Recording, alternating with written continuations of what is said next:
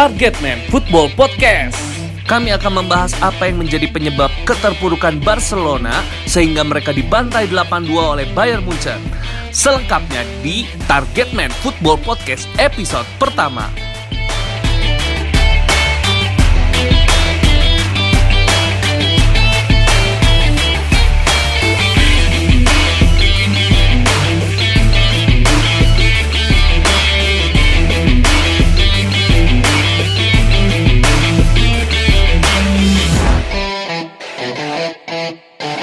Selamat datang teman-teman semuanya di podcast Target Man, podcast sepak bola internasional di Indonesia di nomor kesekian. Kenapa nomor kesekian? Karena kita tahu masih banyak orang-orang yang lebih ahli daripada kita.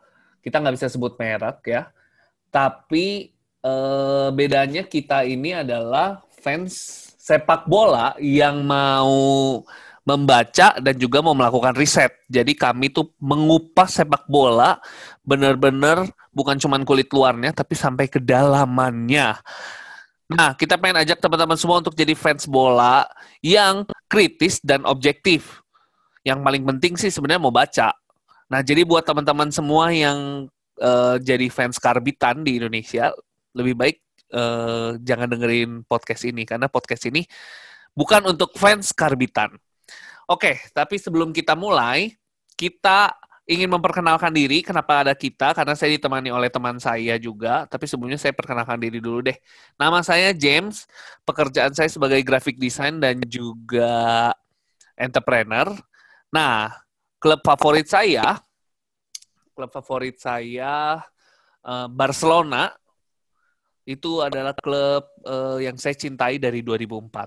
Sedangkan klub yang nggak terlalu saya cintai ya tapi saya masih suka dan suka mendukungnya yaitu Tottenham Hotspur yang musim lalu sampai di Liga Champion finalnya loh. Cuman ya kalah memang.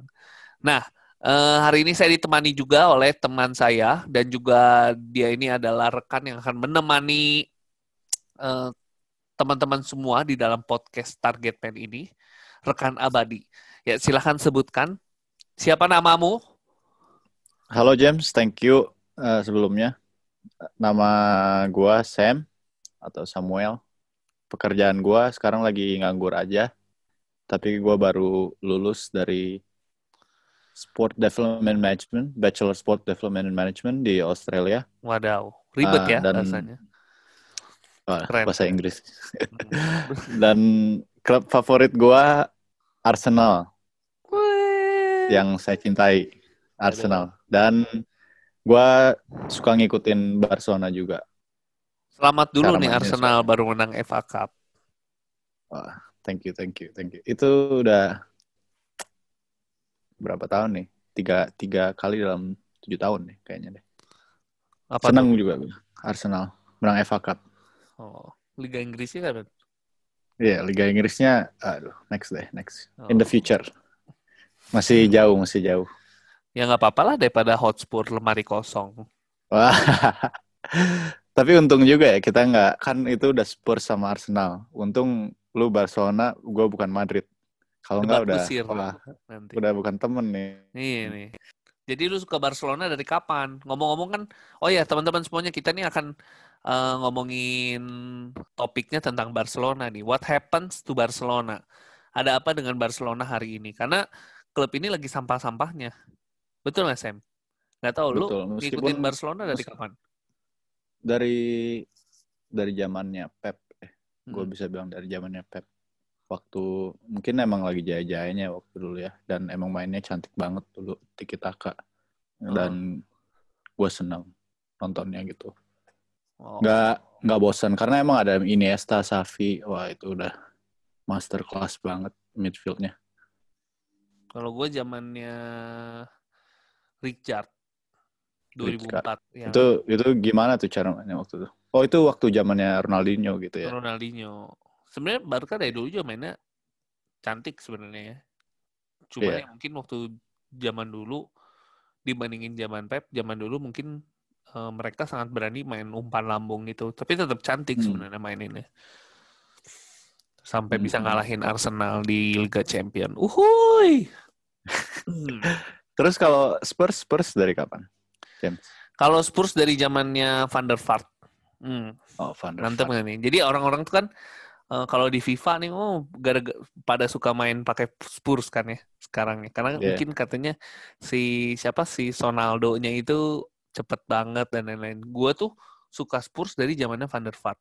Gue masih inget Jermaine Defoe, masih Peter Crouch, backnya eh, siapa? Gareth Bale. Yunus Gareth Kabul. left, Wah, left back gitu. gitu ya. Iya, Yunus Kabul tuh backnya masih kayak gitu. Terus Ernest Kapu juga masih jadi midfieldnya. Wah itu gue udah suka. Gue udah suka. Kenapa? Karena Spurs itu suka merusak tatanan Big Four sebenarnya. Walaupun ujung-ujungnya dia finish di kelima atau keenam bersama Everton. Gitu. Emang emang klub-klub papan tengah ya Spurs tuh ya. Heeh, sebenarnya. Sebenarnya ya, cuman ya eh, beruntungnya lima musim terakhir ini kan kita selalu ada di atas Arsenal. Asik. Eh enggak, baru musim ini deh Oh, kayaknya. musim ini ya? Sorry, sorry. Musim sorry, ini sorry. ya.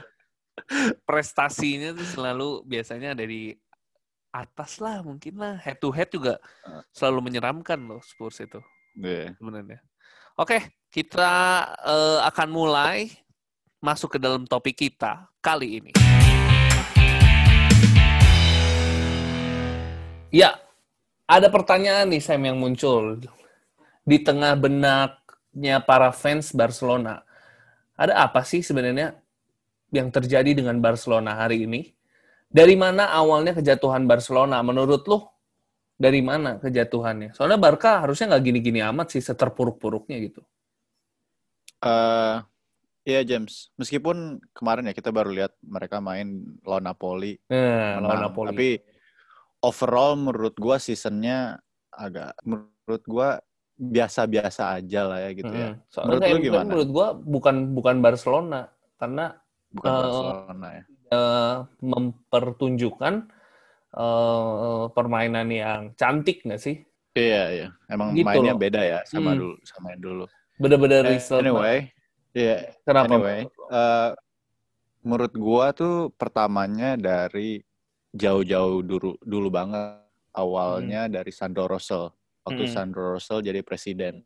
Mm-mm. Nah, dia tuh ingin mengubah prinsip permainan Barca dari yang dulunya total football atau tiki taka di zamannya Pep Mm-mm. menjadi ke kayak modern football. Lebih direct. Kayak gitu. direct, lebih direct and counter attacking football. Waktu itu juga Sandro Rosell sempat cekcok sama Cruyff family Mm-mm. itu karena sebelum Rosell itu kan Juan Laporta ya. Heeh. Nah, Juan Laporta itu sebenarnya pengen nunjuk Cruyff jadi presiden secara langsung jadi kayak nunjuk aja nggak melalui ele- election gitu. Mm-mm. Nah, Sandro Rosell tuh kayak wah ini kenapa tiba-tiba bisa langsung ditunjuk nggak fair gitu kan, pengen election. Ya, jadi dari Jadi balik situ baliknya ujung-ujungnya ya cekcok politik lagi. ya politik lagi betul. Iya. kan? Nah, somehow Russell jadi presiden, terus kemarin-kemarin, bukan kemarin, jadi pas lagi Russell pres, jadi presiden, dia kan ngesign Neymar tuh. Nah, Mm-mm. Cruyff ikut-ikutan, ikut campur juga. Bilang, ini kenapa sih harus sign Neymar, padahal kan kita punya Messi gitu. Kenapa harus beli pemain yang mahal gitu. Mhm. Ya, ya, ya. Nah. Gue ngerti. Terus, kok, tapi sebelum lanjut nih, menurut lu, apakah eh, Barcelona nih, maksudnya ini soal tiki taka, kan dia pengen rubah nih jadi more direct, lebih direct sih kayaknya ya, bukan counter attacking sih ya. Soalnya di gimana pun Iya, iya. Barcelona, dia akan berusaha untuk menguasai possession ball. Cuman, kalau menurut lu nih, eh, emang ada kelemah, maksudnya gini, dengan taktiknya Pep yang tiki taka sama modern, lu lebih condong ke mana sebenarnya? Pribadi. Gue sih lebih lebih condong ke possession ball ya. Gue lebih suka ke possession ball ke tiki taka karena emang dari dulu tuh filosofi Barca menurut gue ya gitu. Total football possession. Emang dari La Masia-nya juga dari kayak Tapi kalau lu ngikutin. Barcelona ya, eh, sebenarnya dia nggak tiki taka banget. Cuman total football iya. mm-mm, Bener total football iya, cuman nggak tiki taka. Tiki taka tuh berarti satu dua satu. Pep-nya doang kan? Ya zaman zaman Pep. Itu sebenarnya itu nama itu dari komentator komentator football bukan Oh, komentator yang buat buat nama Tiki Taka itu. Yang dari yang gue baca. Terus itu Pep hengkang kan habis itu karena Mm. banyak banyak permintaan dari klub. Ada satu titik juga Fa- Fabregas ingin dikeluarin sama Pep. Pep nggak suka sama Fabregas lah intinya. Oh, aneh juga menurut gue. Jadi ya emang aneh tapi somehow Pep Pep nggak suka sama Fabregas. Jadi Pep pengen Fabregas keluar tapi klub sendiri nggak pengen gitu. Jadi Oh, fansnya dan klub fans fansnya fansnya udah udah udah Ya, ya. cinta gitu. Mungkin menurut gue karena Sandro Rosal berpikir bahwa eh, gue nggak datengin Fabregas, Fabregas dengan duit segini nih gitu. Iya. Nah, Hmm. jadi dia nggak mau buang juga Fabregas. Cuma menurut gue aneh juga kenapa Pep Guardiola nggak suka Fabregas ya. Mungkin Ya itu teman-teman ada yang tahu atau gimana karena Fabregas secara permainan dia mirip sama kayak Safi sama Iniesta, tapi dicampur. Nah mungkin mungkin mungkin dia juga nggak fit fit in di squad ya karena gue inget dia sempat main false nine juga di zamannya Pep. Oh, oh gitu. Gue baru baru ingat. Iya, ingat gak? Iya, iya, iya. Dia dia main false nine juga kan. Hmm, Pernah, pernah, pernah. Nah dia dia nggak Kiri kanannya itu. Pedro Messi ya. Iya, heeh, Oh betul. iya. iya. Hmm, hmm. Nah, Mm. ya sih. Tapi kok menurut gue, Tapi itu ya salah satu menurut gua itu salah satu reason kenapa Pep pergi juga karena klub lebih milih Fabregas dan dibanding Fabregas keluar Pep dikeluarin gitu sama Sandro Rosal. kalau kata gue alasan bukan keluar, bukan keluar sih. Kayak Pep Hmm. Pep pengen pengen break dia bilang. Tapi bacot sih kalau kata gue itu. Iya. Kalau dia Yes, bacot itu orang Barcelona lagi ada di puncak-puncaknya, maupun Iya, betul dia juga. musim itu gak lagi juara Liga La Liga ataupun musim itu dia nggak Liga Champions, masalahnya tuh he is one of the best coach gitu loh in the world. Jadi Hmm, menurut gue hmm. kayak uh, terus dia dia bisa manage timnya very good, bisa sangat menakutkan. Kenapa dia harus pergi? Itu menurut gue sih. Nah, semenjak saat itu sampai sekarang tuh Barca udah lima kali ganti pelatih. Siapa aja tuh? Villanova, eh, Martino, terus eh, Luis Enrique, Valverde, yang terakhir ini Setin. Setian. Puncak kesuksesan Barcelona waktu treble di bawahnya Luis Enrique juga tuh ya. Waktu ada Neymar Iya. 2014 Iya. 2015 juara Liga Champions. Cuman gua nggak impress karena Kenapa? eh permainannya gitu, result banget, eh, bener-bener hasil eh, dan bergantungnya cuman ke tiga orang yang ada di depan, trio MSN. Karena memang komposisi squadnya top juga kan. Waktu Heeh, itu. menurut gua depannya Iya. emang gila banget sih. Terus Sami Iniesta masih main nggak ya? Iniesta sih masih, gua nggak tahu Safi, Safi masih main nggak ya? Gue lupa. 2014 2015. Kayaknya kayaknya udah keluar deh Safi. Nah, dari situ pokoknya intinya gue nggak impress sama permainannya Barca. Gue nggak tahu gimana sama lu. Lu kan seneng banget sama Messi. Ya Messi mah tiap tiap musim gak ada musim yang jelek buat gue ya. Selalu bagus. Mungkin karena kadang dia karena injured aja, Hmm. injured aja jadi mungkin menurun. Tapi ya menurut gue Barca ya fine fine aja sih menurut gue waktu lawan Luis eh di bawah Luis Enrique itu 2014-2015 treble. Karena mungkin ketutup Mm. sama squadnya, karena ketutup sama squadnya bagus. Em, tapi defendernya juga jelek banget gitu, tetap. Ya itu sampai hari ini juga jelek. Dan dan ket- dan ketutup dan ketutup sama attacking trionya itu Mm-mm. MSN, Messi, Suarez, Neymar. Terus lama-lama pada pergi Tapi tuh ke Legend. mereka iya nggak tahan lama tuh. Habis itu kan sa- ya Iniesta retire, Mm-mm. Dani Alves, terus habis itu Neymar, Neymar pergi lagi. Ya gitulah Barcelona eh, sampai hari ini gagal buat eh, kembali ke masa jaya-jayanya di mereka mendominasi Spanyol sama Eropa. Inilah mungkin yang diinginkan oleh petinggi-petinggi Barcelona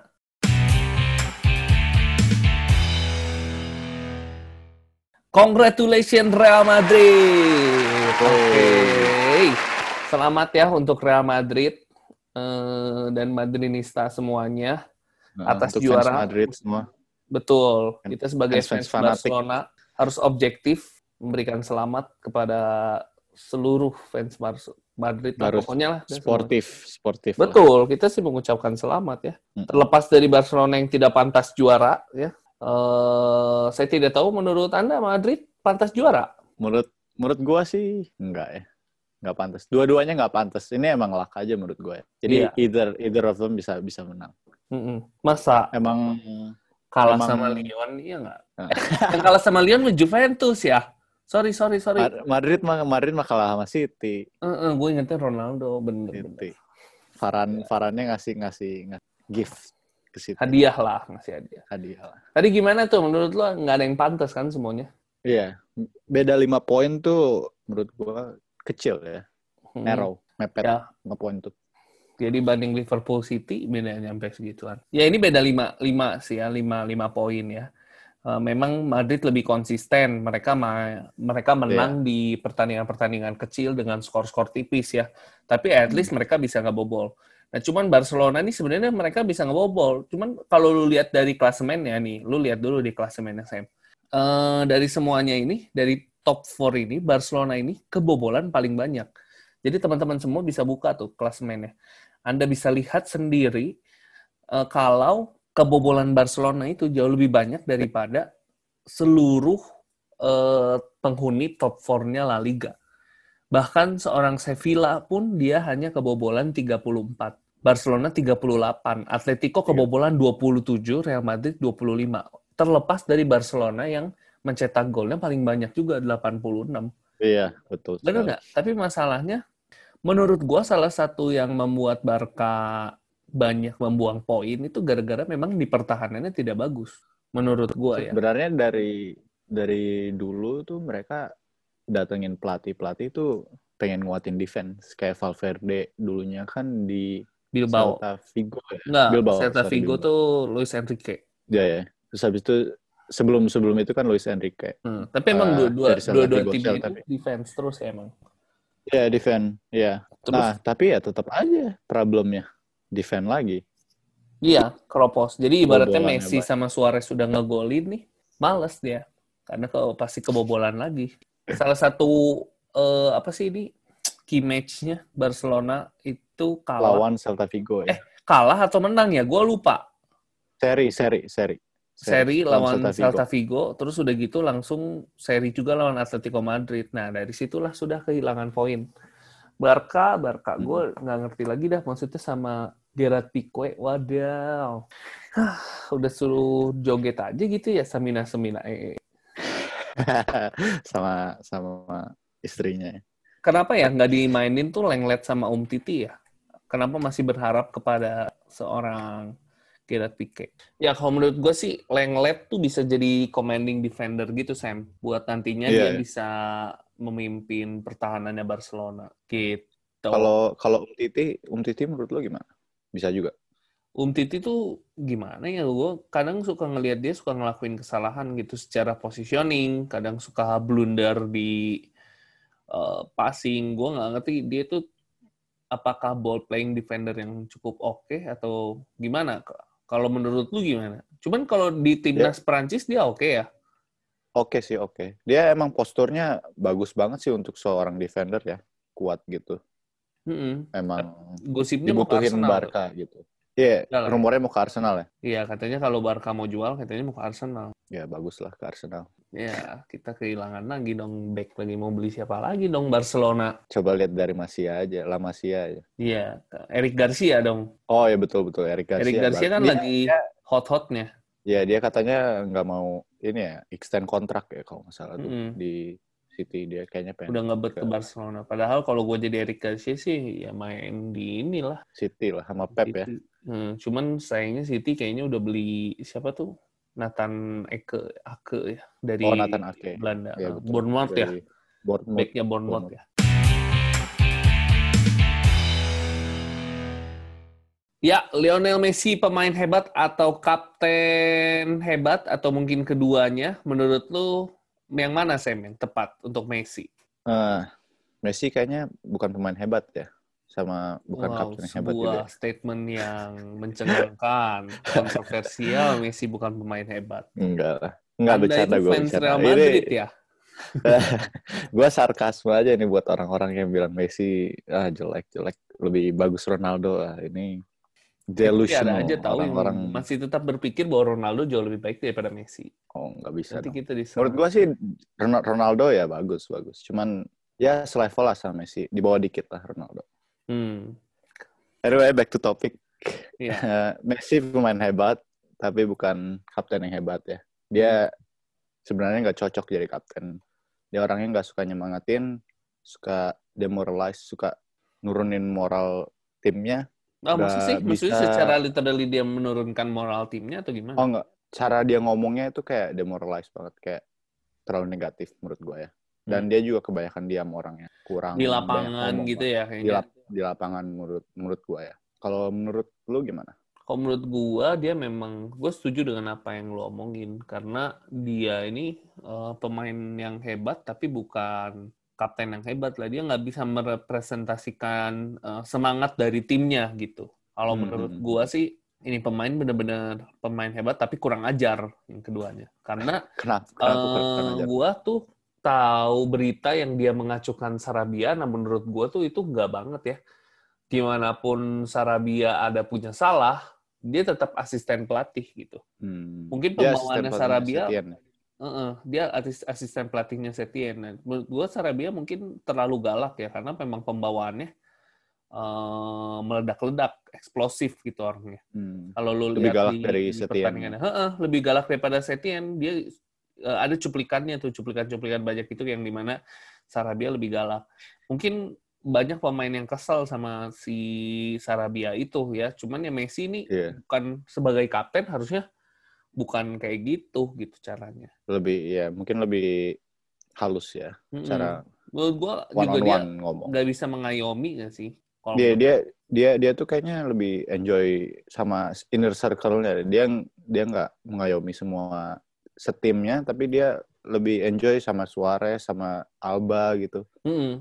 Dari dulu kan ya. Kalau Kalau Alba, sih mungkin di kayaknya dia lapangan. lebih ini ya. Kalau Alba tuh lebih eh, Messi tuh lebih senangnya di lapangan kali ya. Tapi kalau di off the field sih kayaknya sama Suarez ya. Suarez ya.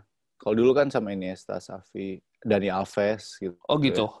Iya. Gue baru Cuma sekarang sampai sampai itu Griezmann baru datang tapi dia acukan aja gitu kayak kayak waktu itu ada berita di dia ribut sama Messi di training. Oh, sebenarnya karena Griezmann juga seorang yang introvert, Messi pun introvert sebenarnya. Ah, iya gue nggak begitu. masuk ya. Iya, dan memang tidak tidak apa mengayomi aja sih sebenarnya Messi-nya menurut gua. Iya nggak cocok juga sih menurut gua si Messi sama Griezmann di lapangan tuh. Terus ah, tabiat apa lagi yang menurut lu nggak cocok Messi untuk menjadi kapten? Dia yang tadi gue bilang tuh dia terlalu negatif nih kalau kalau ngomong. Ini gue quote aja dari eh, omongan dia waktu sebelum lawan Napoli ya. Mm-mm. beberapa minggu sebelum Napoli diliput media dia ngomong sempat ngomong gini we were a very erratic and very weak low in- intensity team Mm-mm. we lost a lot of points and this game is a summary of the season. Jadi menurut gue itu negatif banget kalau dia ngomong apalagi di depan media ya. Mungkin dia nggak nggak comfortable ya Heeh. ngomong di depan timnya kayak gitu. Tapi emang sejak dari dulu sih dia gimana ya kalau di depan media itu nggak pernah kelihatan. Jadi mungkin dia nggak ada talenta untuk ngomong atau gimana gue nggak ngerti juga. Tapi menurut gue itu nggak pantas untuk diomongin di depan media negatif banget kayak gitu Hmm. bisa membuat moral tim turun gitu kayak waduh ini kapten gue aja negatif kayak gini nggak bisa mensupport gitu Nah, menurut lo dari Barca squad Barcelona yang ada sekarang, siapa dari mereka di antara semuanya yang cocok untuk jadi kapten menurut lo? Kalau kata gua Messi itu harus dilepas kaptennya dan diganti. Iya. Menurut lo siapa? Sebenarnya Pi- Pique ya, Pique itu mungkin menurut gua bagus ya jadi kapten. Dia emang kapten kedua sih, Pique. Kalau kata gua nggak bisa. Kalau gua nggak, gua nggak suka Pique. Cuma emang ya mainnya jelek, cuman ya kapten sih menurut gua bagus lah kalau dipegang Pique ya. Hmm. Menurut lu siapa emang? Ter Stegen dong. Ter Stegen. Eh, Barcelona Bisa- bisa sih, tanpa Ter Stegen. Ter Stegen musim ini itu akan finish di posisi tiga menurut gua. Tanpa Ya Ter. Ter Stegen. Stegen ya. Gila dia on perform banget. Eh, dia bisa kebobolan banyak itu sebenarnya karena defendernya menurut gua ya. Iya, tapi dia emang top class goalkeeper sih. Keren banget sih dia. Dia eh, geser Neuer harus. Cuman Neuer Iya. agak mau digeser-geser ya susah sih. nah, terus ada apa lagi nggak? Sebelum kita masuk ke topik selanjutnya. Hmm, waktu Safi Iniesta Puyol kapten gitu juga dia jarang kelihatan media karena emang itu butuh skill dan butuh praktis. Hmm, di klub gitu ya. Ya di klub di professional club tuh biasanya dia kasih training media media training gitu. Hmm. Dari youth gitu dikasih jam terbang untuk ngomong di depan media dari mulai media yang kecil gitu, mungkin newsletter diliput, ditanya interview. Tapi dulu gua jarang liat Messi sih di depan media gitu. Ya, makanya kita harus memulai campaign. Ter Stegen Hmm. menjadi kapten Barcelona. Filosofi Barcelona yang berubah menjadi orientasinya menang atau must win mentality nih. Jadi result banget atau hasil banget kelihatannya. Bukan lagi soal eh, proses bermainnya, bukan lagi seperti Barcelona yang dulu. Menurut gue itu adalah kunci yang membuat Barcelona mil- mengalami keterpurukan gitu loh di eh, musim-musim Mhm. terakhir ini. Menurut Iya. lu gimana? Gua gua sih setuju sama lu ya. Hmm. Jadi filosofi Johan Cruyff tuh bener yang lu bilang tadi soal how the match Mm-mm. proses. Tapi semenjak Barca menang-menang terus gitu, jadi kayak lama kelamaan berubah gitu. Jadi para board boardnya itu merubah filosofinya menjadi kayak what the result apa hasilnya gitu. Harus menang, menang, menang. Mentalnya tuh harus pokoknya harus menang, menang, menang. Itu sebenarnya kayaknya segala cara untuk menang intinya gitu. Iya, jadi wah kan ada duit nih. Jadi langsung wah sign star player, masukin masukin masukin. Yang penting menang, yang penting menang, yang penting menang. Sebenarnya sebenarnya dari efeknya mungkin dari itu ya 2008 sampai 2012 ya. Karena setiap musim tuh mereka pasti ada trop trofi gitu. Terus reputasi klubnya langsung naik banget, sponsor datang, val- value klubnya naik. Terus inilah pokoknya jadi demam prestasi Barca jadinya. Iya, jadi pokoknya Gitu. harus harus menghasilkan trofi di setiap musimnya. Mm-mm. Kalau Menurut enggak ya gua- gagal gitu. Eh, menurut gue perubahan filosofi ini jauh lebih fundamental, jauh lebih berdampak daripada Kapten Lionel Messi menurut gue. Jadi sebenarnya kalau ngomongin soal filosofi ini kan tadi lu sempat nyinggung 2008-2012. Jadi menurut lu apakah Barcelona ini harus tiki taka atau enggak? Kalau menurut lu, ini opini pribadi menurut lu aja. Menurut gua sih nggak harus ya. Ini soalnya tiki taka kan tiki taka tuh cuma bisa dimainin oleh pemain yang high yang punya high teknik ya, high skill, high teknik. Jadi permainan tuh bisa diikuti dengan cara squadnya, ya. cara squad secara individu, cara bermain mereka tuh kayak gimana. Jadi Mm-mm. sama coachnya juga nggak harus selalu tiki taka menurut gua ya. Kalau menurut lu gimana? Sebenarnya kalau menurut gue sama, gue juga tidak harus tiki taka karena tiki taka kan sebenarnya eh, total football yang Pep Guardiola poles akhirnya menghasilkan tiki taka. Karena pada dasarnya Mhm. kalau lu ngikutin Barcelona dari dulu itu dia punya permainan yang eh, sebenarnya tetap cantik, tetap total football. Cuman kalau dari dulu tuh mereka berani direct pass, berani umpan lambung gitu loh. Tapi tetap tetap total football ya. Kayak Belanda lah, Mhm. Belanda kan nggak tiki taka banget gitu. Bener-bener Iya. total football menyerang eh, sesuai dengan gaya pelatihnya aja. Kayak gimana? Misalkan kalau Iya. sekarang Ronald Koeman caranya oh begini. Kalau dulu Luis van Gaal tiki apa eh, total footballnya begini. Kalau menurut gua Barcelona nggak harus tiki taka. Ya, sebenarnya harus sesuaiin sama komposisi pemain dan tergantung coachnya juga sih. Betul. Nggak harus tiki taka juga. Nah, yang jadi masalah kan eh, si Barcelona ini, si board-boardnya ini nggak mikirin La Masia, bener nggak sih? Hmm, betul. Nah, makanya eh, yang gua aneh adalah di tahun 2015 eh, Barcelona bersama boardnya meng-hire, kalau nggak mendatangkan direktur tekniknya Liverpool, yaitu Pep Segura. Hmm. Jadi kalau teman-teman eh, nggak tahu Pep Segura itu siapa, cobalah googling Pep Segura itu siapa. Dia itu eh, ex-manager tekniknya dari Liverpool. Kenapa gue nggak setuju? Karena eh, balik lagi, Liverpool dan Barcelona punya gaya bermain yang berbeda. Bukan berarti Liverpool itu jelek ya, tapi punya gaya bermain yang berbeda. Jadi nggak bisa disamain. Apalagi eh, nge-hire manajer tekniknya, yang di mana Liverpool itu main lebih direct, lebih modern football, lebih eh, ya begitulah gaya bermain Lebih- Liverpool beda. lebih Apa gimana? lebih mentingin physicality nggak nggak Ya, sih? karena kan Lebih Inggris. fisiknya lebih Karena Hmm. Inggris ya, Inggris, mungkin betul, Inggris, betul. Inggris kayak gitu kan. Nah, Pep Iya. ini di hire karena kayak gitu. Jadi dia berpikir eh, dia sendiri yang bilang bahwa eh, apa kemampuan fisik, physical itu jauh lebih penting daripada eh, teknik gitu. Sementara kalau Hmm. Johan Cruyff dan La Masia-nya dari dulu Iya, eh, Teknik lebih penting daripada physical. Betul. Betul, sekali. itu. Benar. Karena kalau misalkan dari dulu physical jauh lebih penting daripada teknik, maka tidak akan ada Xavi, tidak akan ada Iniesta, tidak akan ada Mm-mm. eh, Messi. Karena setahu gua timnya Guardiola itu adalah tim Kecil-kecil semua. kecil-kecil semua, Jordi tapi Alba. tekniknya teknik tinggi Alves. gitu. Iya, b- banget. Iya. Mm-mm. Makanya menurut gua susah jadinya. Nah, gara-gara manajer teknik. Jadi kalau teman-teman eh, yang pengen tahu apa sih job desk dari manajer teknik? Manajer teknik itu yang bis, yang menentukan menentukan dari transfer. Contoh kebijakan transfer. Mereka eh, salah satu orang berpengaruh untuk menentukan siapa yang akan eh, dibeli musim ini.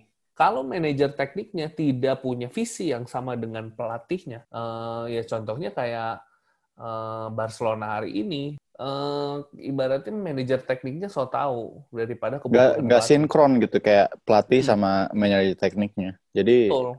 uh, transfer transfernya nggak sesuai dengan coach yang inginkan gitu. Belum, belum betul betul malah belum lagi. Belum lagi kebijakannya manajer teknik itu berpengaruh ke La Masia. Iya iya. Heeh. Ini Eh. salah satu yang mau gue mention lagi nih.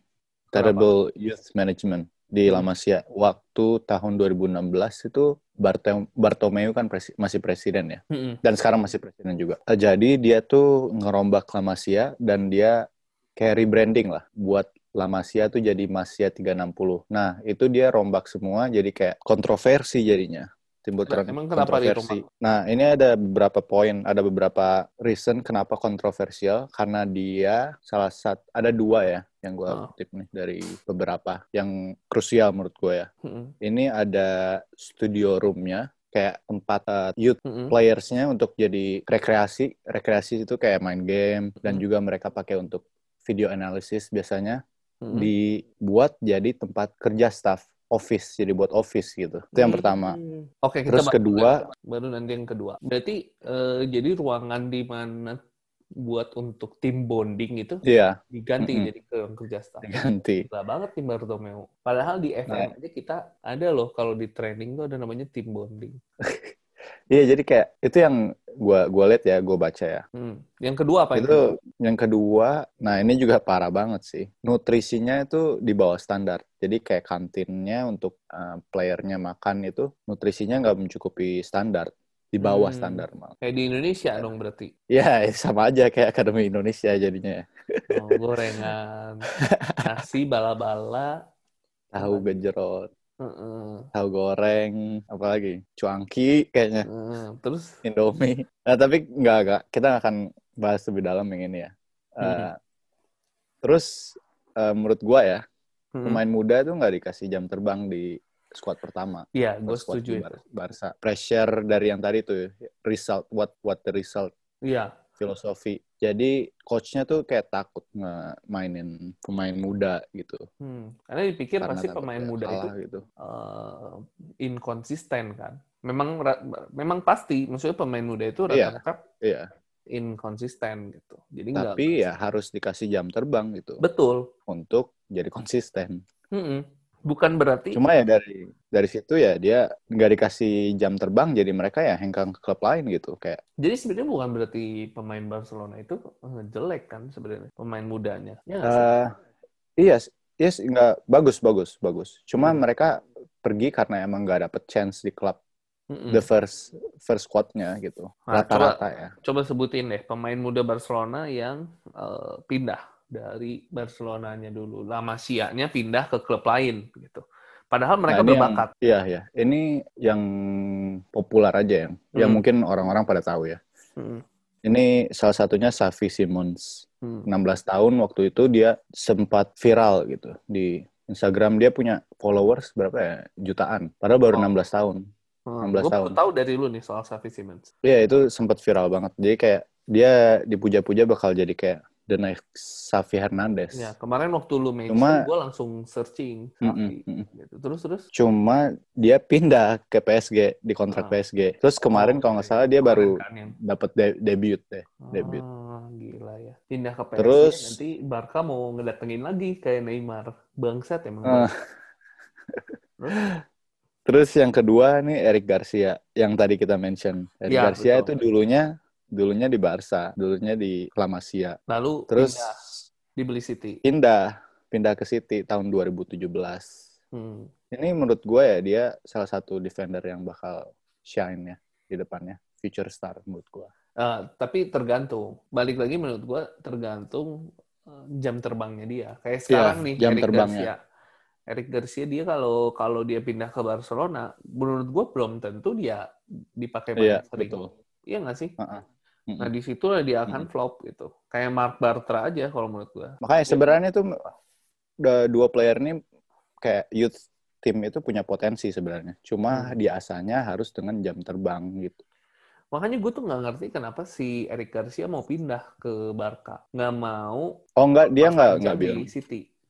Dia enggak, enggak bilang secara langsung mau ke Barca. Dia dia bilangnya enggak mau perpanjang kontrak. Tapi dia pengen pergi nggak tahu ke mana, belum tahu. Maksudnya ke Dortmund, Mungkin ke Barca, ya. gitu. ke Liga Jerman dulu. Jadi matang gitu. Cuma sebenarnya susah juga ya menurut Kenapa? gua untuk retain pemain muda gitu karena mereka demand-nya juga mungkin kenceng ya. Maksudnya? Karena demand demand mereka untuk main gitu.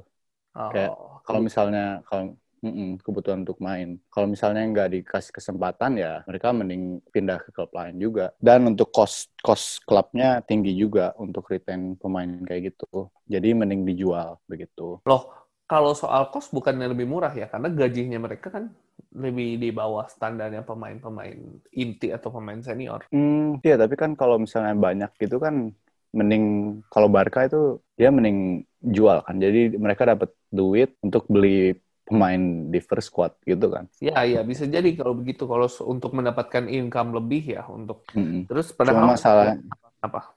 masalahnya kalau udah dijual gitu kan val- value-nya pasti naik kan mereka tuh. Hmm. Nanti bakal dibeli lagi sama Barca ya dua kali lipat, tiga kali lipat gitu.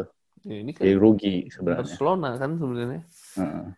Emang luar biasa Barcelona ini. Padahal kalau dulu tuh kayak Guardiola, aduh gue butuh backupnya David Villa nih. Akhirnya dia ngorbitin Bojan Kerki. Macam-macam Hmm. kayak gitu. Walaupun sebenarnya mungkin eh, Bojan itu nggak sebagus itu ya.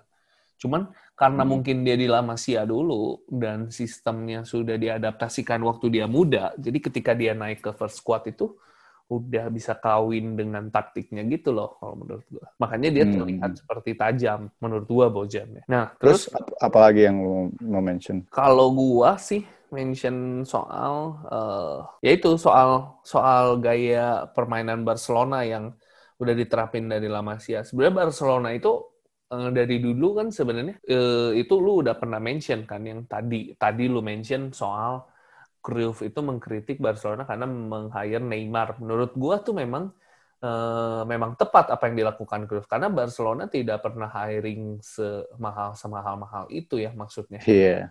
Uh, Iya. Mereka tuh lebih banyak untuk uh, mengandalkan pemain muda gitu. Sekalipun mereka uh, misalkan beli siapa dulu Deko misalkan, Uh, di mereka beli Deko dengan harga yang lumayan, tapi menurut gua mereka itu benar-benar uh, sisa pemain-pemain yang lainnya itu bisa ngandelin gitu dari Iya. dari apa dalam dalam lamasianya sendiri menurut gua. Jadi uh, harusnya sih dengan filosofi yang udah kental dengan Lamasia harusnya nggak ngapain harus nge-hiring lagi gitu kalau menurut gua. Iya. Cuma kalau kayak gitu sih butuh emang manajemennya harus kuat ya karena coachnya juga penting gitu Betul. untuk bisa kasih percaya kepercayaan buat eh, tim pemain-pemain mudanya itu harus punya coach kayak Pep Guardiola gitu yang emang taktiknya masuk. Berarti tentang style of play gitu kan berarti sebenarnya. Iya. Iya. Eh, gimana style of play itu bisa dia adaptasiin yang sama gitu. Maksudnya kalau tim utama pakai ini, berarti tim Lamasia betul. bisa ngikutin gitu kan. Iya. Itu kan dari zamannya eh, zaman dulu pun udah begitu dari zaman Johan Cruyff. Nah ngomong-ngomong soal tiki taka, menurut tiki taka tuh sebenarnya apa sih? Kita ngomongin sedikit nih, di, takutnya ada yang kurang mengerti tiki taka itu apa. Eh, sebenarnya itu total football ya. Tiki taka itu baru gue udah mention belum sebelumnya? Kayaknya belum ya. Pokoknya Kenapa? tiki taka Mention itu aja. tiki taka itu datang dari seorang komentator. Dia dia nama itu ada karena seorang komentator ngomong waktu zamannya Pep Heeh. karena tiki taka tuh kayak satu dua sentuhan cepat permainan cepat possession football Disertai jadi total high football pressing atau juga. iya heeh, total football tiki taka tuh dia permainan passing yang cepat high pressing memanfaatkan ruang kalau misalnya di FIFA ya yang sering main FIFA itu taktiknya high press after losing the ball gitu lah kira-kira Nah, Heeh. ngomongin passing cepat, kayaknya itu bukan cuma passing cepat doang deh. Kalau gue perhatiin dari semuanya dan gue baca juga, passing cepat itu disertai dengan positioning. Iya, iya. Jadi Heeh. ada ketepatan timing, kapan lo passing, kapan lo harus bergerak. Jadi ngelewatin pemain itu bukan dengan skill. Iya. Terlepas dari apa yang dilakukan Messi ya. Messi sih eh, memang bagus gitu. Tapi Tiki Taka itu bisa ngelewatin pemain dengan pergerakan. Itu yang menurut gua eh, kerennya gitu. Bukan Tiki Taka doang sih. Sebenarnya total football setahu gua kayak gitu. Jadi eh, harus ada ketepatan timing dalam passing bola. Lalu dia bergerak juga dengan timing. Dan itu butuh butuh apa ya latihan butuh Iya. bakat juga gitu gua pun Iya, tidak itu bisa yang- melakukannya itu yang tadi sempat gua bilang ya yang waktu zamannya Pep itu tekniknya harus tinggi pemain-pemain yang untuk menerapkan total football tiki taka ini pemainnya harus high Hmm. teknik skill sama chemistry tim juga harus dapet gitu makanya waktu zamannya Pep itu trainingnya benar-benar kayak high, high intensity. Jadi kayak eh, pokoknya pokoknya harus dapet lah chemistry timnya gitu. Hmm, pakai cara macam-macam juga kan dia. Iya. Pendekatan eh, trainingnya nggak cuman kayak latihan passing dan lain-lain gitu. Iya jadi kayak on the field and off the field juga sebenarnya ya. Hmm. Nah, terus kalau soal ini apa eh, pelatih nih, kan kita eh, Barcelona ini udah ganti-ganti pelatih nih dengan filosofi yang berbeda-beda.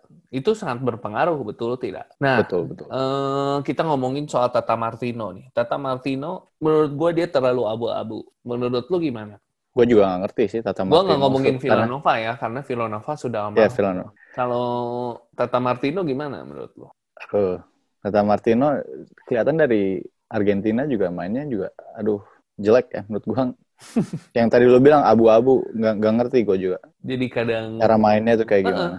kayak agresif tapi tidak agresif gitu. Jadi kayak ngepres tapi belum nyampe ke bolanya udah mundur lagi. Kata Martino. Terus Selanjut- terus apa kenapa? eh, selanjutnya apa?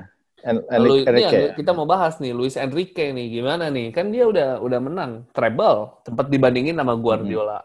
Hmm. Pun setahu gue Luis Enrique itu taktiknya sebenarnya lebih ke vertical possession ya, lebih efektif dan lebih direct. Eh, tapi pada kenyataannya kadang mereka suka kalah di possession ball melawan beberapa tim ya. Kenyataannya begitu Hmm. ya. Luis Enrique tuh sosokan ngomongnya vertical team kayak gimana dan lain-lain lebih efektif. Cuman ya itu balik lagi. Kenapa dibuat efektif ya? Karena Trisula depannya gila banget sih kalau menurut gue. Iya, ya. Kalau menurut tuh gimana? MSN ya waktu itu zamannya MSN. ya. Itu wah gila banget sih MSN. Garang banget itu. Ya menurut gue sih kayak ya baik lagi itu lebih penting hasil ya. Makanya possessionnya kalah kalah terus. Eh nggak nggak terus sih. Jadi kayak beberapa match kalah tapi kalah possession tapi menang gitu. Hmm. Dan itu kayak per- itu pertama kali dalam dalam berapa ya streaknya Barca kalah possession. Itu kayak langsung media wah Barca udah nggak possession football lagi gitu. Ah, sempet oke lah dibilang transformasinya bagus karena ngasilin gelar. Masalahnya Dan Luis adalah- Enrique didatangkan itu karena ini kan pengen strengthening defense defensive line-nya gitu dia, kan. dia dari Ce- Celta Vigo. Iya, heeh. Karena Barca dulu selalu kesulitan melawan Celta Vigo. ah, Celta Vigo. Padahal Luis Enrique tuh setahu gue Luis Enrique tuh mantan striker. ya. Iya. Iya, Luis Enrique itu setahu gue mantan striker. Setahu gue, bisa aja salah. Teman-teman bisa koreksi ya. Dulu satu tim bareng sama Guardiola main di Barcelona dulu. Nah, mulailah setelah Luis Enrique dipecat, akhirnya datanglah Valverde. Wah, flop banget nih. Ini pelatih benar-benar, aduh, pusing. Dia punya taktik Barcelona yang membuatnya jadi nggak dinamis gitu loh. Tapi memang eh, Terus, lebih ya. konsisten, apa mereka lebih konsisten dan bertahan, lebih lebih rigid lah maksudnya untuk soal bertahan ya menurut gua. Pos possessionnya tinggi ya waktu zaman dia tuh ya. Ya tapi nggak nggak nggak nggak membuat nggak membuat apa kesempatan chance gitu loh ngerti nggak sih? Jadi dibilang oke okay, Iya, iya. possessionnya tinggi, iya kita setuju possessionnya. Tapi kayak tinggi. boring gitu ya, boring. Betul. Kayak ngandelin possession tapi nggak ada yang kreatif kayak Betul, ini ya. jadinya bukan kayak total football atau tiki taka kan kalau total, total football tiki taka ada true pass, true pass yang membahayakan, benar Iya. nggak sih? Iya, iya. Nah jadi kalau menurut gue tuh eh, caranya Valverde itu lebih defensifnya dengan possession ball. Hmm. Kalau Hmm. dibilang ada ini, wah tidak possession ball, tidak parkir bus. Beda. Kalau parkir busnya Chelsea atau kayak gitu waktu lawan Barca, memang benar-benar di belakang. Mourinho tuh benar-benar di belakang, tidak menguasai bola. Biarin Barcelona ngotak-ngatik Barce- apa biarin tim melawan itu ngotak-ngatik bola di areanya mereka atau kayak gimana. Itu kan park the bus. Cuman gayanya Valverde defensifnya adalah menguasai bola defensifnya itu, itu jadi bolanya dipegang aja sama mereka. Ya iya itu defensif sebenarnya karena musuh tidak dapat bola. Dan kitanya juga nggak nggak nyerang-nyerang. Betul, cuman oper kiri kanan, oper kiri kanan gitu. Eh kebobolan gitu. Mm. Padahal udah ada Kombinasinya pakai iya tapi waktu waktu itu kombinasinya cuman ya dari kiri aja ya. Dari Iya. kayak kayak dulu Alba. lagi. Alba, Alba. Messi, Suarez. Betul.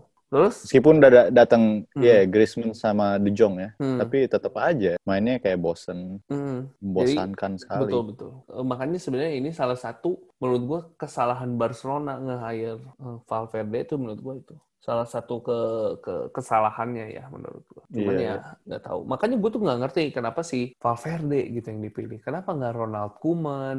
Iya, kenapa nggak pem- eh, mantan pemain yang udah punya apa ya understanding sama klubnya, sama filosofinya gitu ya? Siapa contohnya? Safi, iya nggak? Safi, Safi, Safi. Hmm. Cuman Safi tuh, so gue nggak mau ke Barca. Karena oh ya karena itu ya em, Victor Font ya yang jadi presiden selanjutnya. Dia katanya kayak ada moral support buat Victor Font. Dia dia dukung Victor Font untuk next jadi next. Ya, ke pokoknya intinya Next dia nggak mau ke. Barcelona karena eh, dia pengen dapat kendali penuh di tim utama Heeh. dan Dan dia juga lainnya. Rumornya kemarin dia masih punya satu tahun lagi deh kayaknya di Al Sadd Hmm, itu. Menurut gua karena itu sih sebenarnya jadi eh, karena selain karena dia tidak suka Bartomeu juga mungkin tidak suka dengan manajemen Barca yang hari ini. Ya, banyak sih yang yang kayak disuruh balik tapi kayak nggak mau gitu. Kayak Puyol gitu diminta untuk jadi apa ya dalam manajemen tapi dia say no thanks kayak nggak mau deh. Hmm, menurut ada ya, sesuatu. gue setuju itu. Itu menandakan sebobrok apa Barcelona secara boardnya, ya, secara manajemennya benar-benar lagi bobrok banget sebenarnya. Gitu. Tapi nggak tahu nih Abi Idal kenapa bisa di situ ya? Memang dia ada punya apa ya skill apa di situ dari Abidal. Enggak, karena Jadi menurut gua Bartomeu mikirnya begini. Oh, gua narik narik Puyol nggak mau nih. Gua narik narik siapa? Safi. Eh, Safi juga nggak mau. Jadi lebih baik gua tarik yang bisa gua tarik aja. Siapa? Oh ya udah Abidal. Ada Abidal. Abidal kebetulan Ada. mau. Tapi nggak ada menurut- kemampuan apa-apa gitu ya. Menurut gue ya Abidal. Iya, tapi eh memang memang dia ini adalah salah satu kunci kegagalan menurut gua. Abidal tuh ya kita tahu lah maksudnya dia dulu bukan berbakat ya. Iya salah satu di zamannya Pep Guardiola yang oke gitu. Cuman orang-orang seperti Oke. Puyol, Safi itu nggak mau balik kan. Hmm. Ya itulah menurut gua susah kalau kayak gitu. Eh, Barcelona akan semakin terpuruk kalau manajemennya tidak berbenah.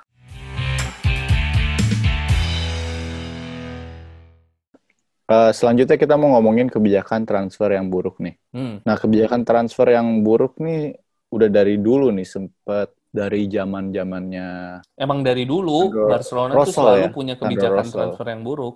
iya Selalu selalu mau beli pemain kalau menurut gua. Cuman makin sekarang makin buruk iya makin kelihatan gitu buruknya karena nggak ada pemain La Masia menurut gua. Maksudnya karena nggak ada dari youth timnya gitu loh yang bisa nge-backupin. Kalau dulu tuh zamannya Guardiola ya, eh, Iya.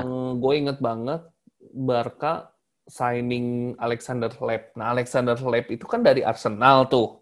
Hmm, Ah, iya, itu kan iya, jeleknya benar. ampun ampunan.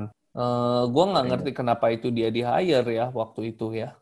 Eh sampai pokoknya intinya menurut gue kayak signingnya tuh nggak banget lah menurut gue ya. Menurut gue makanya aneh banget dari dulu tuh emang Barcelona emang selalu punya kebijakan transfer yang aneh. Cuman ketutup sama kualitas pemain yang udah ada dari sebelumnya, kualitas pemain mudanya saya Xavi, Iniesta dan Iya. lain-lain. Kayak gitu menurut gua ya.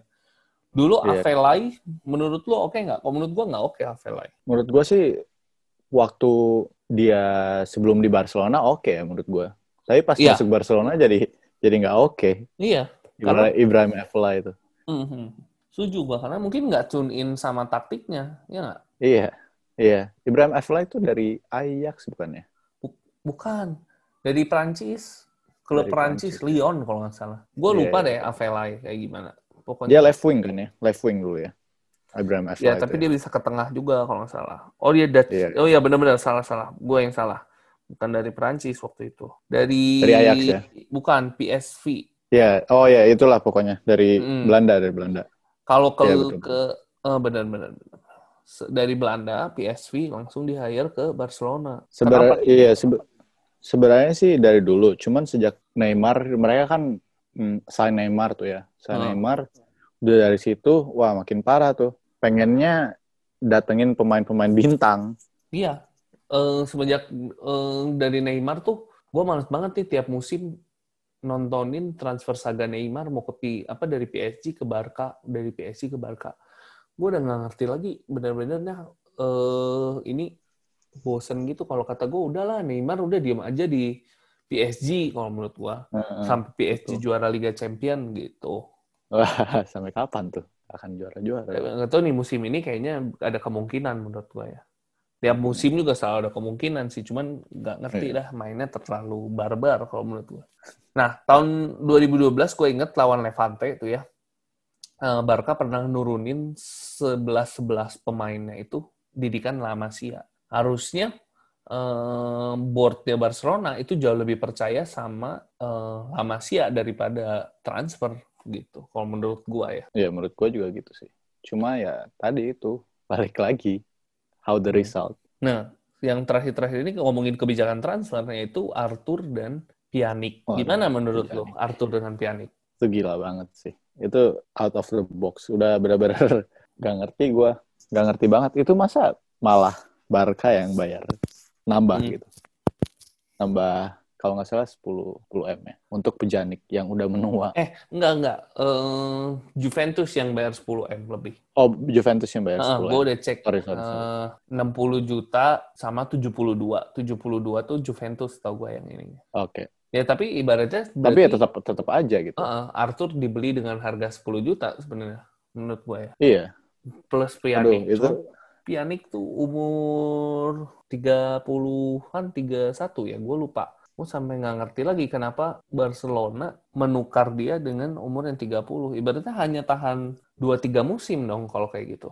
Tujuannya apa coba kayak gitu? nggak ngerti gue juga. Ya, ya itu tadi pengen kuatin squad dengan masukin pemain-pemain superstar gitu. Tapi Pjanic juga nggak bagus-bagus amat menurut gue ya. Sama, menurut gue juga nggak bagus sama. Cuma yang terakhir itu sempat si Arthurnya nggak mau main di Champions League lagi. Itu gila juga sih. Itu attitude-nya nggak banget menurut gue. Enggak sih. Tapi ya setelah ditendang dari Barca ya menurut gue ya fair enough lah. Ngapain juga main-main sama Barca. Nggak di, nggak di respect juga. Betul, gue juga setuju. Udah tahu pemain yang nggak mau pindah, malah disuruh pindah. Gue nggak ngerti lagi. Hmm. Nah, terus eh, kita akan bahas tentang list of flop transfernya Barcelona. Ada beberapa nama yang udah kita catat, dimulai dari gua dulu ya. Kita akan bahas tentang Jeremy Matthew. Itu Hmm. center back yang dibeli dari Valencia. Bukan, left back. Tapi dia main di center back loh kalau di Barca. buat buat Barca. Oh, tapi di Valencia tuh dia left back. Menurut Hmm. eh, kalau nggak salah ya, di Valencia tuh di- dia left back. Dibeli umur 30-31. Ini pemain benar-benar flop. Jelek sekali, benar-benar, aduh jeleknya ampun. Kenapa dibeli sama Barcelona? Gue nggak ngerti tolak ukurnya apa. Bukan, gue tuh nggak ngerti ya kayaknya Barcelona tuh scoutnya atau direkturnya ngelihat, oh ini ada pemain bagus nih, pemain ini bagus, jadi gue langsung beli aja gitu. Musim itu lagi bagus gitu, langsung beli gitu. Padahal kan dia Iya. harusnya lihat dulu ini orang tuh konsisten nggak sih? Apakah musim depannya masih tetap bagus atau enggak gitu? Terus dari gua nih, dari gua Hmm. Vermaelen, Vermaelen. Itu Beuh, gitu. itu eh, pemain itu lu kan? di di Arsenal juga jelek banget dia. Vermaelen itu dari? Arsenal. Iya ya? gitu. Di Arsenal Ke- bukannya dia tandemnya bukan- bukan- bu- itu dulu. Iya bagus, cuman dia prone to injury gitu. Sering Oh, banget injury. iya, Jadi Kaki udah kanan. tahu kayak gitu, desain sama Barca, eh injured juga. Ya kan itulah Barca. terus. Ingin bagi-bagi duit kali. Ya, itu tadi gue mau bilang tuh kayaknya dikasih dikasih duit dikasih duit nggak nggak main gratis, udah tinggal di Barca, udah. Firpo gimana Firpo? Hmm, Junior Fi- Firpo ya. Itu dari mana ya Junior Firpo ya? Gua nggak tahu Firpo dari mana. Coba kita lihat ya Firpo dari mana. Tapi kalau dari permainan gimana menurut? Eh, bisa lah ya, Firpo Eh, nggak flop-flop banget sih menurut gua bisa dikasih chance Dia lah ya. tuh umur 24 atau 23. Oh dari Real, Hmm. Real Betis. Firpo tuh Iya, andalannya Setin dulu. Cuman iya, iya. Barca malah nggak dimainin. Karena mungkin ada Semedo ya, Semedo sama Semedo. Dia left back.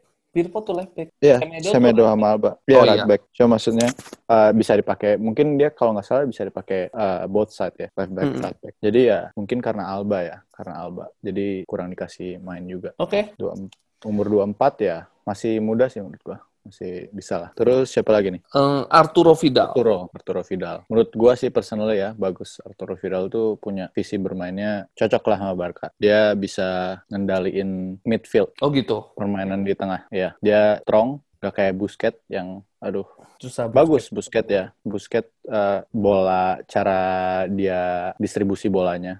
Arturo Vidal mungkin nggak punya itu ya. Cuman secara defensif Arturo Vidal punya menurut Hmm. gua. Kalau gua, hmm, enggak sih. Gua tuh nggak Enggak ya? setuju banget kalau Barca nggak hire pemain tua. Karena memang gua pribadi tidak suka pemain tua. Karena tidak long term gitu loh. Hmm. Dia nggak akan lama Iya. gitu. Kalau menurut gua, itu Vidal. Jadi gua tidak terlalu suka Vidal. Alexander Yes. Hleb, Dimitro Alexander Hleb. Ciginski, Henrique, dan Douglas. Itu, Itu udah semua ya. flop banget. Kita nggak usah banget. ngomongin. Alex Song gimana nih Alex Song yang ada di Arsenal? Song flop lah, itu mah flop. Udah Waktu di Arsenal gimana? di Arsenal lumayan sih ya. Arsenal lumayan tapi pas ya gitu lagi balik balik lagi ke Barcelona di Arsenal bagus ke Barcelona jelek. Hmm. bukan jelek sih kayak nggak kepake gitu karena kan masih ada Busquets waktu itu ya. Alex Song buat kayaknya untuk pelapis aja. Tapi Alex Song tuh di Arsenal kan dulu jadi kayak first squad Hmm, bagus mainnya kan? terus lumayan lumayan bagus tapi ya ke Barcelona jadi squad pelapis ya ya nggak jadi dikasih apa? jam terbang ya Ngerti, jadi apa ngerti. gitu Kalau Malcolm gimana Malcolm? Hmm, Malcolm sih nggak nggak bisa ya, karena dia dia kalau nggak salah tuh right right wing juga ya, sama Hmm. kayak Messi ya. Messi kayak Messi. Ya itu, dia pengen pengen jadi pelapisnya Messi mungkin atau gimana? Pengen Cuma duit ya- kalau kata gua. iya duit, UUD ya. Hmm, ujung-ujungnya duit. Malcolm ya flop sih kata gua. Bagus sih, dia punya potensi ya. Cuma Hmm. nggak bisa ya di Barca karena ada Messi, nggak mungkin. Sebenarnya kalau menurut gua gini ya. Kalau menurut gua waktu Malcolm datang, ekspektasi gua adalah dia bisa bermain di kiri. Hmm, Iya. nggak pada eh, dia bisa bermain di kiri, jadi ada Messi punya teman gitu dengan gaya mainnya dia juga gitu Malcolm. Cuman gua nggak ngerti kenapa dia nggak dimainin di kiri. Kalau gue jadi pelatih, gua akan mainin dia di kiri gitu ya. Walaupun dia Iya. right wing ya, tapi maksudnya kan hmm, kalau dia main di kiri dia punya jam terbang juga gitu dan eh, Barcelona kan waktu dia ngedatengin Malcolm, setahu gua Neymar tuh udah pergi Iya. udah ke PSG. Jadi menurut gua tidak ada left wing yang oke ya. Karena Coutinho Iya. menurut gua terlalu nggak bisa jadi winger menurut. Dia lebih ke left mid ya, Siapa? midfield. Dia lebih Ya, Coutinho, lebih ke Coutinho. tengah lah, tengah, tengah. ya ke tengah. Ya, bukan bukan apa ya, sharp sharp left left wing gitu. Bukan Kalau Kevin Prince Boateng gimana? Ah, itu sebenarnya gue ngerti sih ekspektasi Barcelona itu untuk uh, ngesign Kevin Prince Boateng itu karena dia emang versatile gitu. Kevin Hmm. Prince Boateng tuh dia bisa main di semua posisi. Tapi ya itu lagi dia tua gitu pemain tua. Betul, betul. Gue juga kurang setuju dengan Kevin Prince Boateng. Gue nggak ngerti lah. Barca waktu itu nge-hire bersamaan gitu. Kevin Prince Boateng, Murilo, pokoknya banyak lah transfer-transfer yang kita nggak bisa bahas di sini. Yang pastinya kita tahu bahwa transfernya itu flop gitu. Mm-mm. So, eh, kita pengen mulai untuk memprediksi transfer yang ideal untuk Barcelona di musim depan. Nah, kita akan ngomongin tentang pemain-pemain Barcelona dan kemungkinan transfer yang akan datang juga. Kira-kira Barcelona bakal ngedatengin siapa ya? Nah, gitu. Kita mulai dari Dembele out dulu. Dembele out atau in atau stay atau apalah pokoknya. Menurut lu gimana? Uh, menurut gue sih Dembele out ya. Pemain berbakat. Dia loh. kayak berbakat tapi kayak nggak ada progres dan dia emang attitude-nya jelek ya. Mm-mm. attitude-nya jelek sejak dia datang di Barcelona dia nggak ada progresnya menurut gua Heeh. Terus Karena dia main Dota cedera terus. cedera juga main Dota main Fortnite main Dota ya Mm-mm. Karena dia sering banget main online gitu, sampai dia pernah nggak datang latihan karena nggak main online. Nah, setahu gue tuh dia cedera gara-gara nah, katanya di sehari-harinya kan, gue nggak ngerti ya pemain bola. ap- maksudnya pemain bola itu kan mungkin kayaknya pemanasannya itu bukan cuma ketika sebelum bermain beberapa menit sebelum bermain doang gitu ya. Kayaknya eh, selama sehari-hari mereka training itu adalah bentuk dari eh, pemanasannya mereka gitu ya. Hmm. Untuk- jadi kayak ada Apanya? strength and conditioning lah itu Iya, itu. Nah, itu tuh latihan latihan katanya dia nggak benar di situ makanya dia cedera terus Hmm, itu Katanya. emang krusial sih strength and conditioning itu emang sekarang ya di semua sport itu butuh banget strength and conditioning makanya eh dia cedera terus kan bahkan nggak datang ke latihan gara-gara main online kan dihukum sama Valverde terus udah gitu eh, dia pun ada ke ada apa ya ada attitude yang jelek waktu dia mau pindah ke Barcelona jadi sehari sebelum dia tahu eh sebelum eh maksudnya sehari se- eh, dia udah tahu nih besok bahwa dia akan bakal pindah ke ke Barcelona. Barcelona. Betul, dia akan ke Barcelona. Bukan besok sih, sebenarnya dia tahu bahwa akan ada negosiasi. Jadi baru tahap negosiasi doang nih Dortmund sama Barca. Dia besoknya langsung nggak datang ke latihan. Nah itu menurut gue Hmm. attitude-nya jelek banget. Sama lah mirip kayak Arthur. Cuman ya kalau Arthur sih menurut gue karena dia dipaksa untuk keluar ya. Kalau Dortmund tuh kan Iya. ibaratnya Barca yang mau beli, lu nggak mau beli juga nggak apa-apa gitu. iya iya iya Hmm. Kalau Nah, Griezmann gimana? jadi konklusinya apa ya Dembele out ya Hmm, Dembele out. Pokoknya Dembele Dembele udah out. pasti out. Griezmann gimana? Gue pengen denger dari Griezmann baru datang ya dia sebenarnya da- baru datang dari awal musim. Cuma menurut gua nggak nggak cocok di Barca karena ada Messi ya. Messi Oh. itu udah take space banget di di right side itu. Karena dia Messi itu free free form ya. Suka datengin bola. Hmm. sedangkan Griezmann dia cocoknya itu main 4-4-2 biasanya. Dia jadi striker ditemenin sama Mbappe sama dulu tuh siapa ya Giroud, Douglas, Douglas ya, Douglas Costa kalau di. Atletico. Diego Costa. Eh Diego, sorry, Douglas Diego Costa, Costa, Diego di ini dong Juventus. Iya Diego Costa. Hmm. Iya dia lebih lebih dikasih ya, Ruang. kebebasan.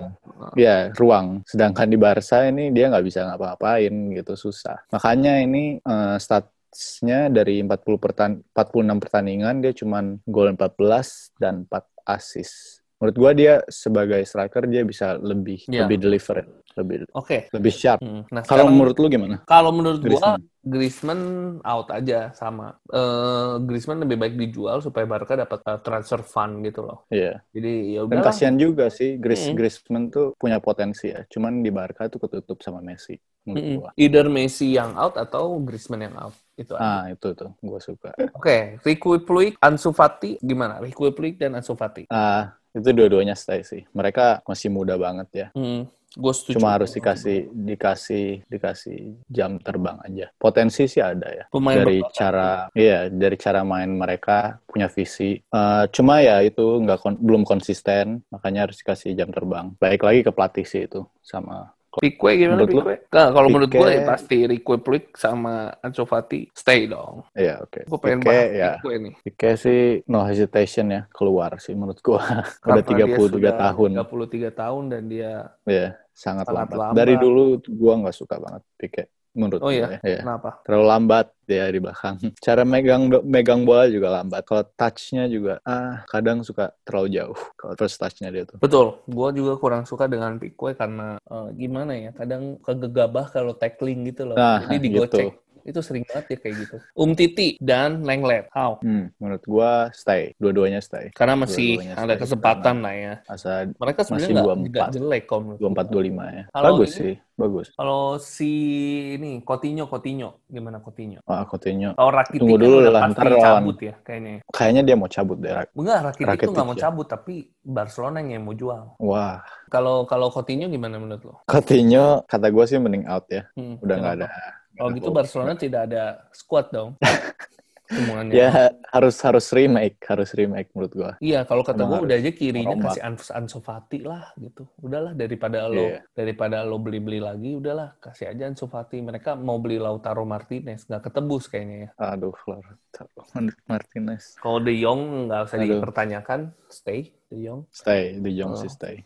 Nah, kalau kata gue possible nih kalau lu kalau gue mau nanya nih, kira-kira dari lu nih ya, eh, lu pengen Mm-mm. Barcelona beli pemain tuh siapa? Gua sih sebenarnya. Kalau dari back kira-kira eh enggak sih gua defender. pengen mention lini aja dari lini kayaknya gua lebih setuju kalau Barca ngedatengin ngedatengin back ya. Gua belum lini. belum tahu back backnya siapa, cuman eh, siapa ya sekarang lagi bagus-bagusnya? Kalau gue Ruben Dias. Ruben Dias ya, Oh, iya iya lini betul dari Real, Real. Betis ya, Real Bukan Betis. dari dari Benfica. Aduh, Itu lagi Oh iya, bagus Benfica. banget. Eh, Ruben Dias tuh dari Benfica, terus Jonathan Tah dari Leverkusen, oh kata gua ya. Iya. Kalau misalkan Barcelona mau beli, tapi jangan sih PSG Kim Bempe, lu tau kan? tahu tahu tahu Kim Bempe. Cuman dia sering ngelakuin kesalahan, bahaya juga. Siapa lagi ya back ya? Hmm, ya kalau kata gue sih itu ya sebenarnya. Dia bisa, lu bisa ngedatengin itu pemain-pemain itulah pokoknya. Atau nggak Bar di Barca tuh kemarin baru sign ini loh 17 tahun dari ah udah itu jangan dipedulikan karena dia tidak akan diberikan eh, waktu bermain gitu ya. Kalau lini iya, tengah dari Liga Brazil. Hmm, lini tengah sisa De gua Jong, gua sih Busquets, iya, Vidal, Vidal, kalau misalnya Vidal masih bertahan ya. Rakitic, Heeh. Ricky, Ricky Puig. Heeh. lu mau kira-kira siapa? Kemarin Sergi Roberto sempat main di, di uh, midfield lagi loh. Oh, oh Waktu iya lawan. Napoli kalau nggak salah, dia main di midfield lagi Sergi Roberto. Semedo Kalau- di kanan. eh, kalau kata gue bisa lah Sergio Roberto. Kata gue sih setuju ya Sergi Roberto dimainin di midfield ya. Emang naturalnya begitu ya. Dia Iya. cukup kreatif juga menurut gua. Kalau Iya. gua lini tengah alangkah lebih baik kalau Barcelona eh, membeli eh, siapa itu? Van der Beek ya. Van de Beek Van der dari Ajax. Iya. heeh. Terus siapa lagi ya? Gua nggak tahu lini tengah siapa lagi. Eh Hasem Auror. Au, aduh susah sebutnya. Jadi kalau teman-teman tahu Aurorar, Aurorar itu eh bukan Hasem Aurorar. Iya, eh pemain Lyon. Hmm, hmm. Aworar, Au, Auar, Awar, Awar bener. Di Lyon dia main jadi midfielder. Nanti lu cari deh Sam. Halsem Awar. Nah, itu Denis oke. Suarez tuh ke mana ya Denis Suarez? Ah, Denis Suarez sudah sudah raib. Maksudnya eh, ukurannya dia eh, sekarang dia tuh udah umur berapa ya? Gue lupa. Pokoknya udah hampir 27 25 lah kayaknya ya. Hmm, hmm. Dia bener tuh sempat 26. diromorin ke Arsenal kan, Denis Suarez. Tapi nggak jadi. Nggak jadi ya. karena di Barkanya dia eh, jelek. Tapi ini kan ke Arsenal udah, dia dia dia ada di Arsenal sempat di loan, cuman nggak pernah dimainin. Iya, iya. Maksudnya Ya. nggak nggak di Sekarang dia di gitu. Celta Vigo. Iya, oke oke. Mm, dia di Celta Vigo. Terus kalau kalau kalau kalau di tengah menurut gua itu sih ya, kalau menurut gua di tengah eh, orang-orang itu eh kalau depan siapa sih? Depan Ngeribut-ribut Iya sih, depan. Lautaro Martinez. Lautaro Martinez tuh berapa? Ta- umurnya ya, Lautaro Martinez. Dua dua dua tiga dua dua. Ya bisa lah buat dia tuh gantiin Itu Suarez ya. Iya bisa 80 bisa sebenarnya bisa 80 gantiin. M ya? 80 M ya? lebih 110 Hmm. 110 Ya. Barca nggak bisa nebus Ya kalau misalnya dua dua dua dua dua tiga boleh lah. Hmm. Makanya gue mikir eh, sebenarnya ada tahu Julian Brand. Wah itu juga udah bagus. Barcelona harusnya beli Brand. itu yang kayak gitu. Julian Brand masuk itu kalau nggak Dahoud. Ada pokoknya lu kalau lihat di Dortmund nah kayak gitulah. Nah itulah kemungkinan transfer dari Barcelona. Kita akan masuk ke dalam kesimpulan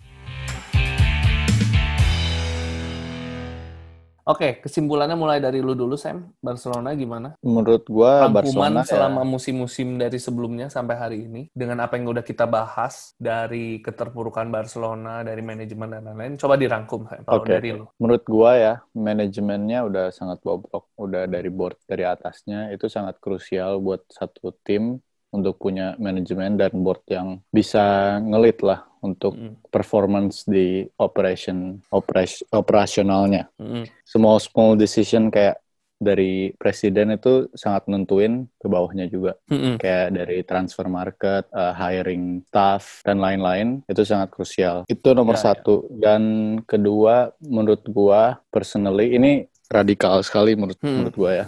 ya nggak apa-apa Med- Messi harus keluar menurut gua. Dia harus cari cari apa ya challenge baru. Kayak masih Ronaldo jadi lah. fan. Barca nggak nih Wah itu kalau Messi keluar itu.